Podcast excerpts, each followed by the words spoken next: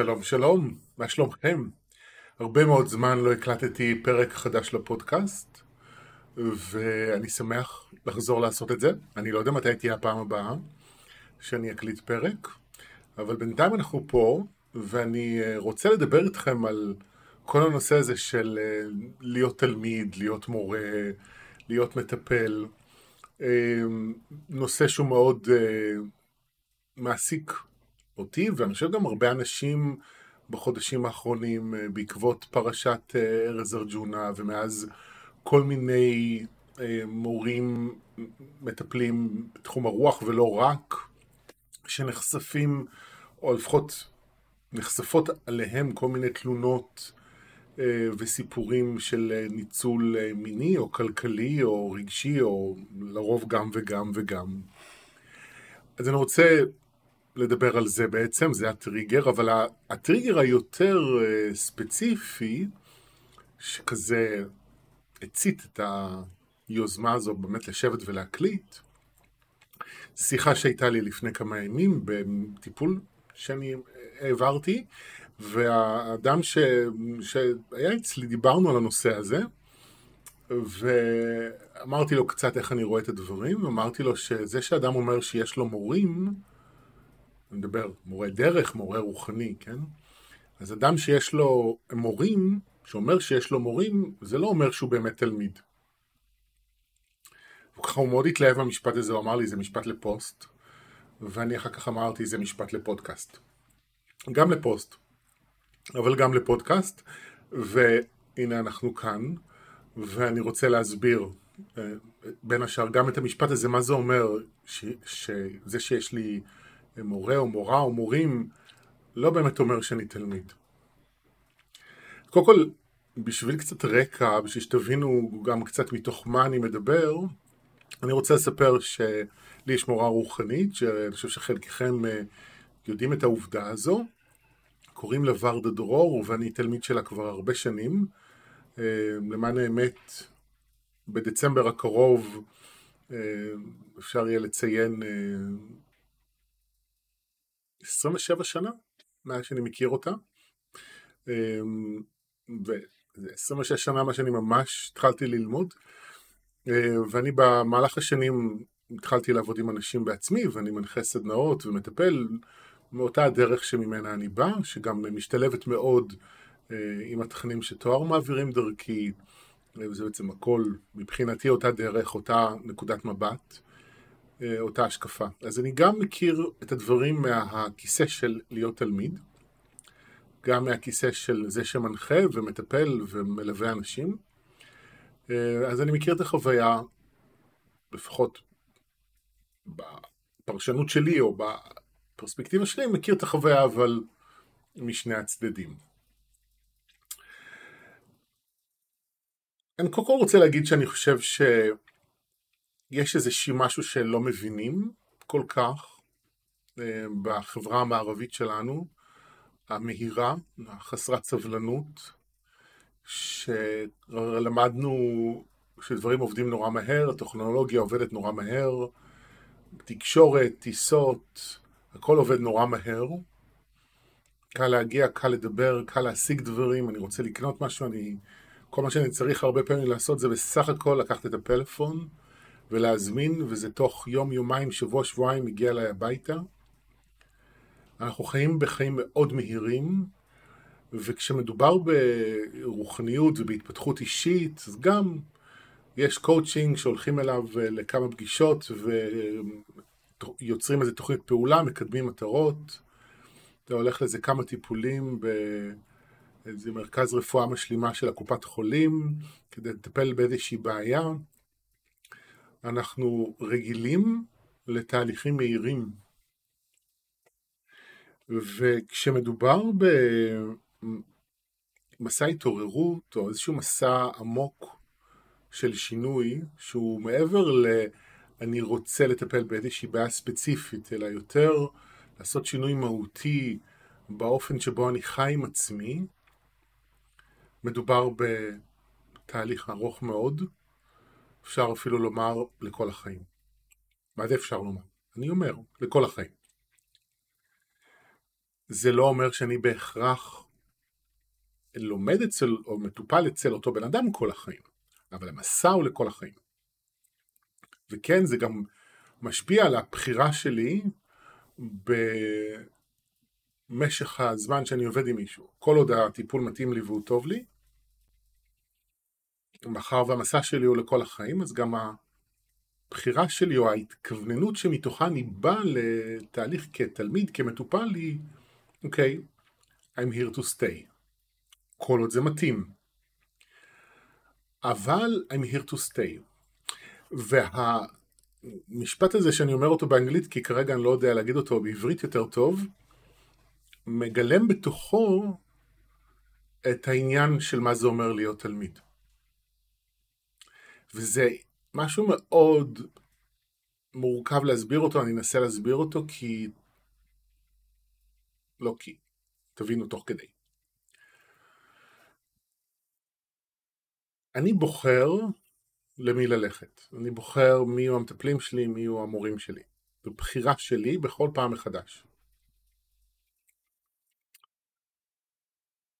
אבל בו זמנית, אני יודע שאני...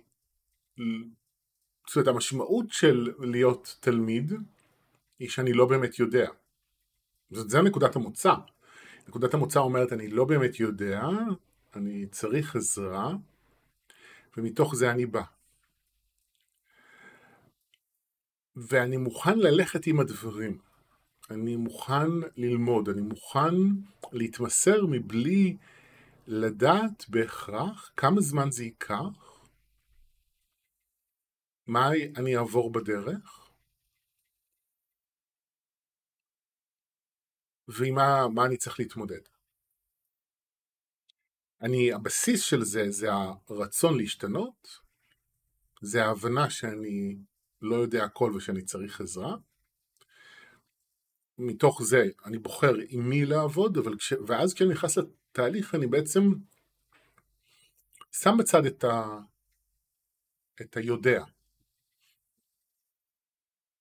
ואני מוכן ללמוד.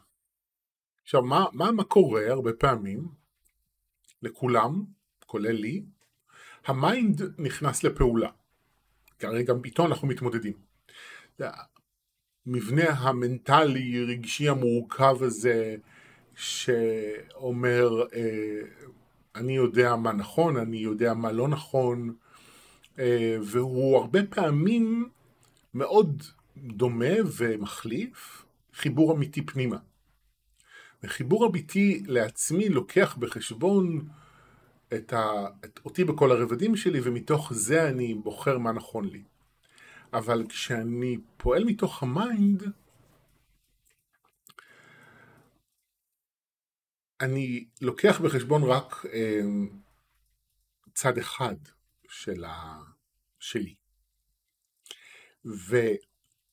וה mind יש לו תפקיד.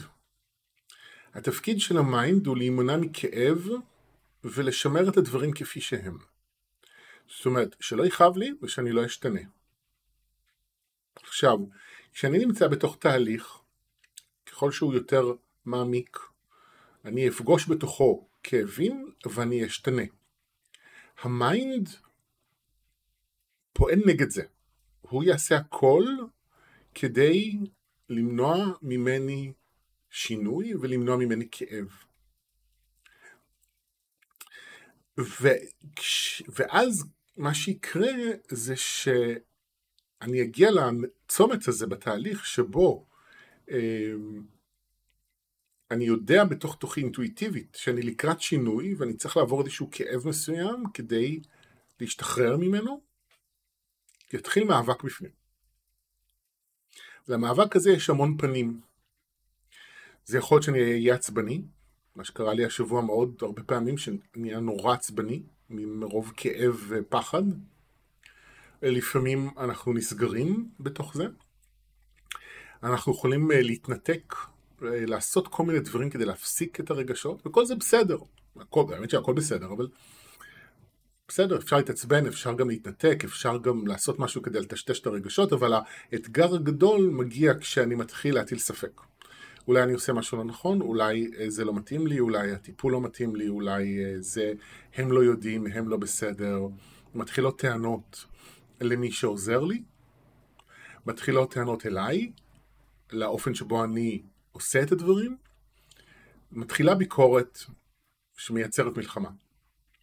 ואז אני הודף ונסגר, ואני יודע, כל העמדה שאני נאחז בה היא אני יודע, אני צודק, וכך אני לא אשתנה. וזה לא משנה אם אני סובל בדרך. זאת אומרת, אני יכול להיות ממש בסבל. החיים שלי יכולים להיות קשים, מאתגרים. אני יכול להתמודד עם מצוקה רגשית, כלכלית, אבל אני אלחם, אני אהדוף עזרה, אני אהדוף את הרגשות שלי, אני אעשה כל מה שאני יכול כדי לא להיכנס לכאב ולהשתנות. ואני לא אדע את זה גם. כי ה mind מאוד מתוחכם. מה שאני ארגיש זה כעס, אני ארגיש ביקורת, אני ארגיש את עצמי סגור, מתגונן, הודף, תוקף, משהו בתחום הזה. והמשמעות בעיניי של אה, להיות תלמיד זה לא להימנע מהמצבים שתיארתי כרגע, אלא לדעת שזה קורה, זה יקרה, ושאני צריך גם בתוך מצבים כאלה לדעת לבקש עזרה, לדעת שאני צריך להמשיך לטפל בעצמי ולחצות את המלחמה הזו, ואז לראות מה באמת נכון. עכשיו, אני חוזר למה שאמרתי מקודם, כל זה בהנחה שהבחירה הראשונית שלי היא נכונה לי. ולא תמיד היא ממשיכה להיות נכונה, לפעמים באמת צריך טיפול אחר, צריך עזרה אחרת, למידה אחרת וכן הלאה. ולפעמים במצבי משבר אנחנו קולטים את זה, שאנחנו צריכים משהו אחר. כי מצבי משבר ומצוקה אנחנו לפעמים מתחברים לצרכים נוספים, אה, קולטים דברים אחרים, מבינים שאנחנו צריכים משהו אחר. נגיד אני באופן קבוע מטופל בהילינג ורפלקסולוגיה, אבל כשנתפס לי הגב בצורה משמעותית אני גם הולך לאוסטאופט. אז יש לי איזשהו צורך שמתעורר כתוספת. אבל הרבה פעמים אנשים בדיוק בנקודה הזו מתחילים להחליף, להחליף מורים, להחליף מטפלים, להחליף. ואז מתחילים תהליך מההתחלה, מגיעים בערך לאותה נקודה, ומחליפים. ומחליפים ומחליפים, עד שאולי יום אחד הם מגיעים לנקודה הזו, ובמקום להחליף הם משתנים. במקום להחליף את הטיפול, את העזרה, את התהליך, במקום לשנות את המציאות, הם מסכימים להשתנות, ואז הם נשארים וחוצים את הפחד ואת הכעס ואת הכאב, ועוברים את השינוי שברמה מסוימת לפחות, הם רוצים לעבור אותו. ואני חוזר ואומר, זה דבר, תהליכים שלוקחים זמן, הם תהליכים שלוקחים הרבה זמן. שינויים לוקחים זמן, כמו שוורדה אומרת, ולקח לי הרבה זמן לקלוט את זה, קשה להשתנות. לפעמים קשה מאוד אפילו להשתנות, אני מסתכל על עצמי, אני מסע ארוך שנים, אני בן 45, אני במסע הזה מאז גיל 18, אפילו לפני במובן מסוים. יש שינויים שאני מיישם בשנה האחרונה, שאני יודע שכדאי לי ליישם אותם כבר איזה 20 שנה. ורק בשנה האחרונה נוצרה הבשלות הרגשית והמוכנות הפנימית להשתנות. עכשיו מה קורה? מה אני שומע ופוגש בזה? זאת אומרת, מה שתיארתי עד עכשיו זה בעצם פן אחד של, אה, של, שאני מזהה לפעמים אצל מי שיושבים בכיסא של מטופל או תלמיד ו, והמיינד לוקח אותם מנקודת שינוי למשהו אחר. ולפעמים זה לטובה ולפעמים לא, פשוט זה מה יש. הצד השני שאני הרבה פעמים רואה וזה קשור לארז ארג'ונה וכל אלה זה שמורים ומטפלים שלא לומדים הם יודעים הם לא באמת צריכים עזרה ואם הם צריכים עזרה הם יודעים להגיד כמה ומתי אז הם גם יפסיקו אותה כי זה כרגע אני כבר לא צריך וכרגע זה כבר לא מתאים ו... או לחילופין הם ילכו היום לעזרה אחת ומחר לעזרה אחרת כי הם יודעים, כי הם כבר עברו, כי הם התחברו, כי הם מתוקשרים, כי הם יושבים על איזשהו, באיזשהו ממד והם בעניינים כבר. זה נורא מתוחכם, זה נורא נורא מסוכן להיות במקום הזה. כי שוב, זה ה mind שיודע, ואני אומר לכם, ה mind התפקיד שלו זה להימנע מכאב ומשינוי. עכשיו, דרך מאוד טובה להימנע מכאב ושינוי, כל פעם ללכת למטפל אחר. ואז לא להיכנס לתהליך, כי יש משהו שיכול להתגלות רק בתהליך ארוך טווח.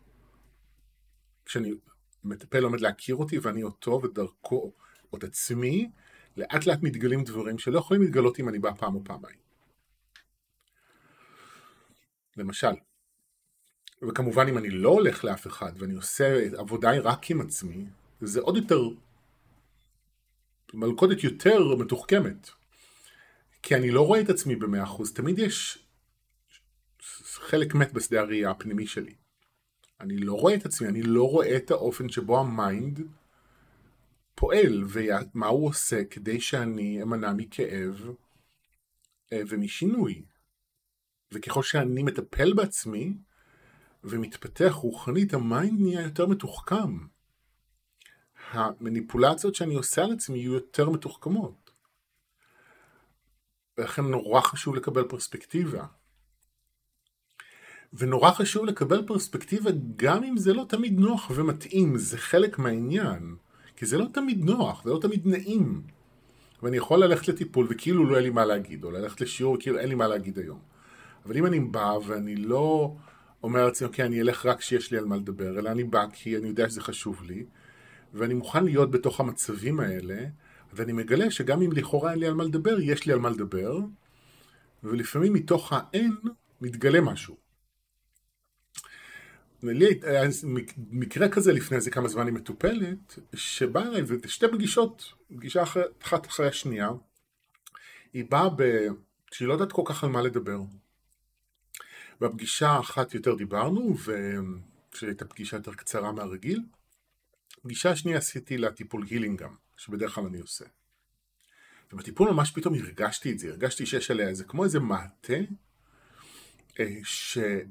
כאילו אין רגשות, אין תנועה, כאילו הכל בסדר, אבל זה בעצם איזשהו מעטה הגנה שמסתיר מאחוריו איזושהי מצוקה מסוימת, שהיא לא מרגישה אותה. עכשיו, אז מה קרה? עבדנו עם זה. עשיתי הילינג, הילינג עשה את שלו, לאט לאט זה התפרק, משהו נפתח והתחבר, והמצוקה יכלה להיחשף ולהתרפא.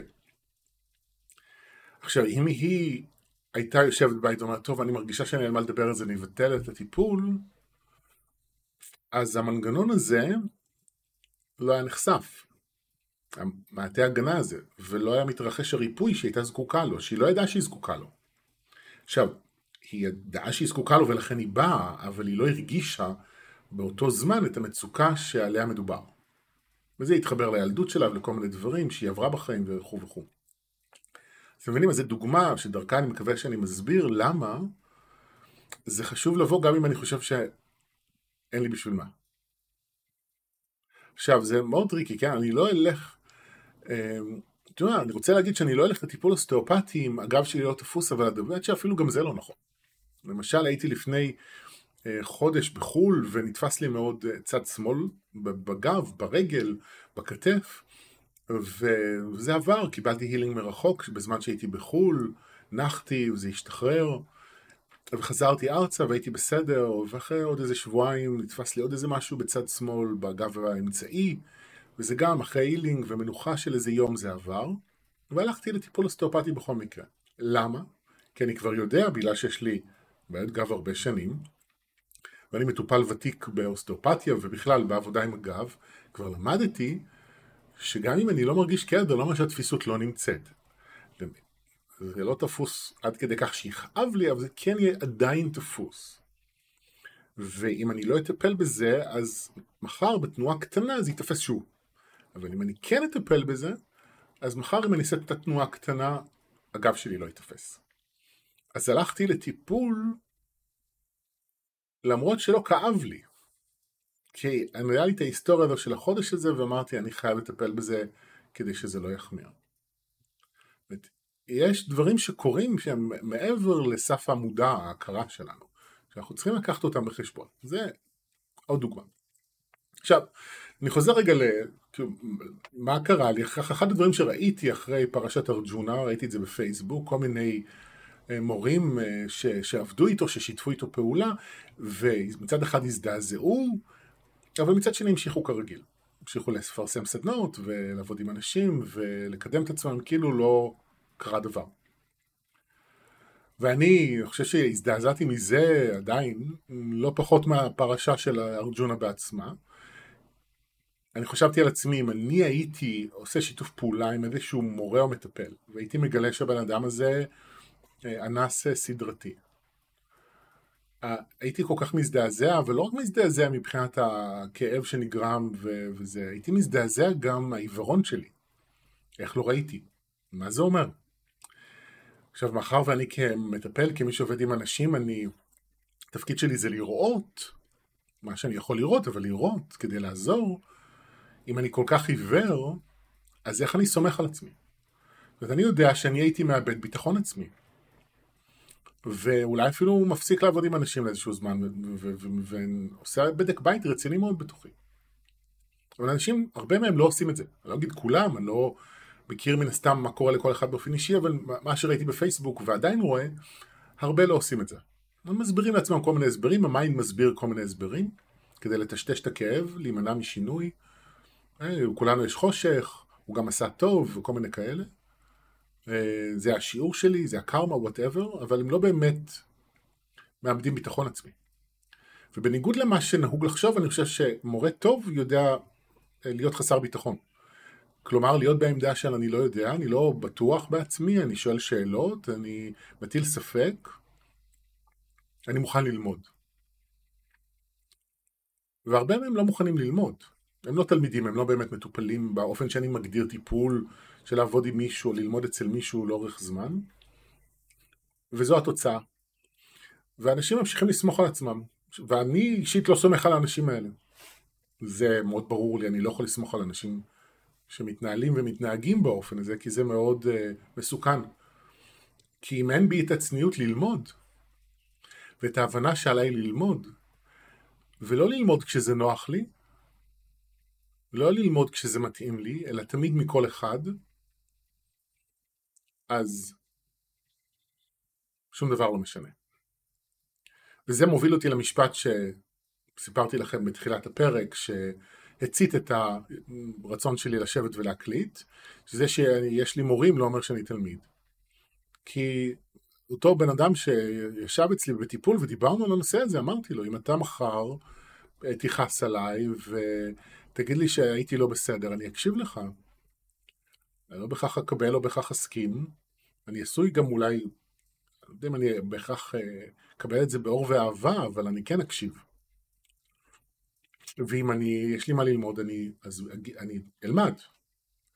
ואני אתנצל אם צריך. עשיתי את זה בעבר, אז אני יודע שאני גם אעשה את זה בעתיד. אמרתי לו, אני לא... אוקיי, אז מה, אני אלמד רק מוורדה? תלמיד זה לא כשאני הולך לשיעור פעם בשבוע אצל המורה שלי.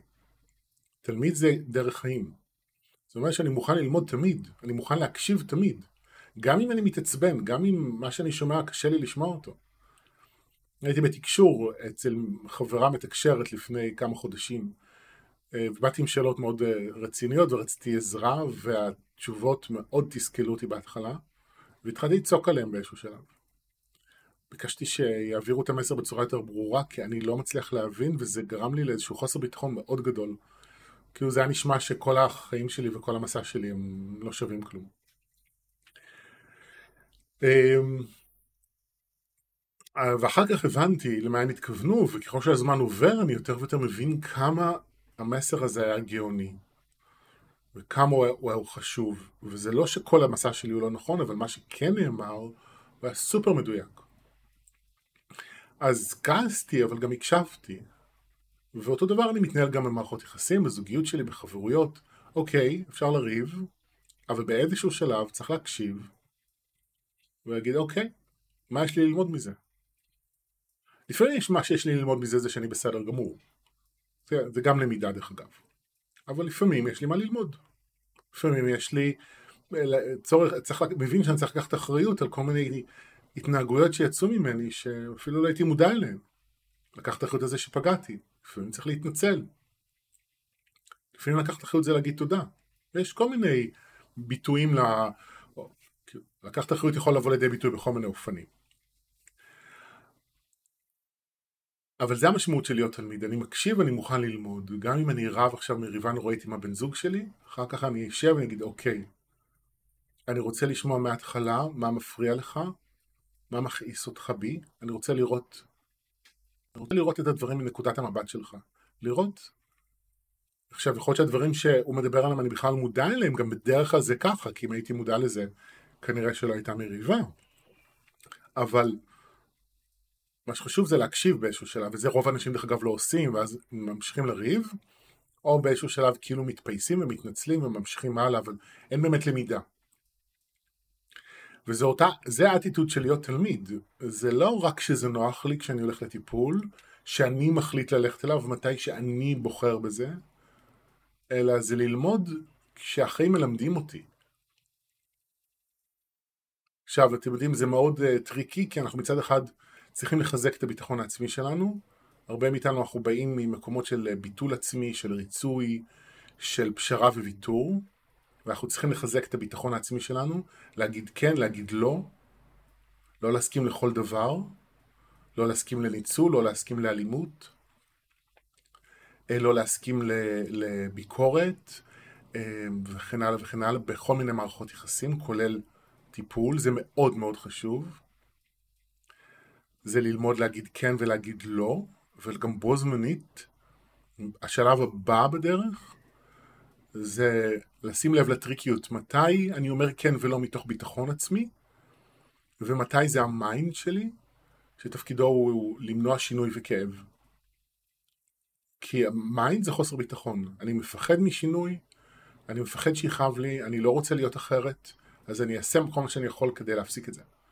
אז האם אני פועל מפחד, או שאני פועל מביטחון עצמי? ואז כשאני אומר לא מביטחון עצמי, אני לא מייצר מלחמה. לא בהכרח כולם יאהבו את זה, אבל אני לא מייצר מלחמה. יש הרמוניה בתוכי והרבה פעמים גם במציאות. אבל כשאני אומר לא מתוך פחד, אני מייצר מלחמה. בתוכי, והרבה פעמים במציאות. אני יותר כועס, אני יותר עצבני, אני ביקורתי, אני מרגיש לא טוב, יש מאבק, יש בלאגן. אז זה משהו שהוא מאוד חשוב להבדיל. ו... וגם אם אני מפחד זה בסדר, אם אני קולט שאני מפחד ולא בא לי להשתנות וזה בסדר, אני לא חייב הרי. בסופו של דבר, כמו שאמרתי בהתחלה, זה הכל בחירה. זה הכל תלוי בהאם אני רוצה להשתנות, כמה עמוק אני רוצה להשתנות, כמה רחוק אני רוצה להגיע בדרך הלא ליניארית הזאת של ההתפתחות האישית. זה קובע את הדברים. והדברים שאני אומר כאן מיועדים לאנשים שרוצים באמת ללמוד, לאנשים שבאמת רוצים להתפתח, ובעיקר ובעיקר לאנשים שמתיימרים לשבת בכיסא של מטפל או מורה, שזה דרך אגב עמדה מאוד בעייתית להיות בה. כי אני לא מורה ולא מטפל, אני... מי שבא לעבוד איתי הוא זה שקובע את התכנים, הוא קובע את התדירות, הוא קובע את התכנים. אה, אני מדבר, נותן עצות, אה, מצביע על דברים של שאלות, מקשיב, אבל הבן אדם הוא זה שקובע.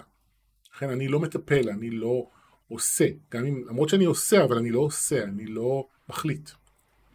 גם כשאני יושב בכיסא הזה אני תלמיד, אני לומד מאנשים שעובדים איתי מה מציק להם, מה מפריע להם, מה הם צריכים, מה הם רוצים, ומביא מתוך הניסיון שלי והידע שלי את מה שעשוי לעזור להם לרפא, לחזק, לממש. אז גם כשאני במקום הזה אני תלמיד. וזה נורא חשוב, תמיד ללמוד, תמיד להקשיב, תמיד לשאול שאלות. לזכור שכל הקולות בחוץ הם השתקפויות של קולות בתוכי. אז צריך להקשיב. כי אם מישהו אומר לי משהו, זה חלק בתוכי מדבר איתי. וכדאי להקשיב וללמוד מזה דברים חדשים. זהו, תודה רבה שצפיתם, אה, סליחה, הקשבתם. מקווה שזה עזר לכם, אנחנו ניפגש בהמשך. ביי ביי.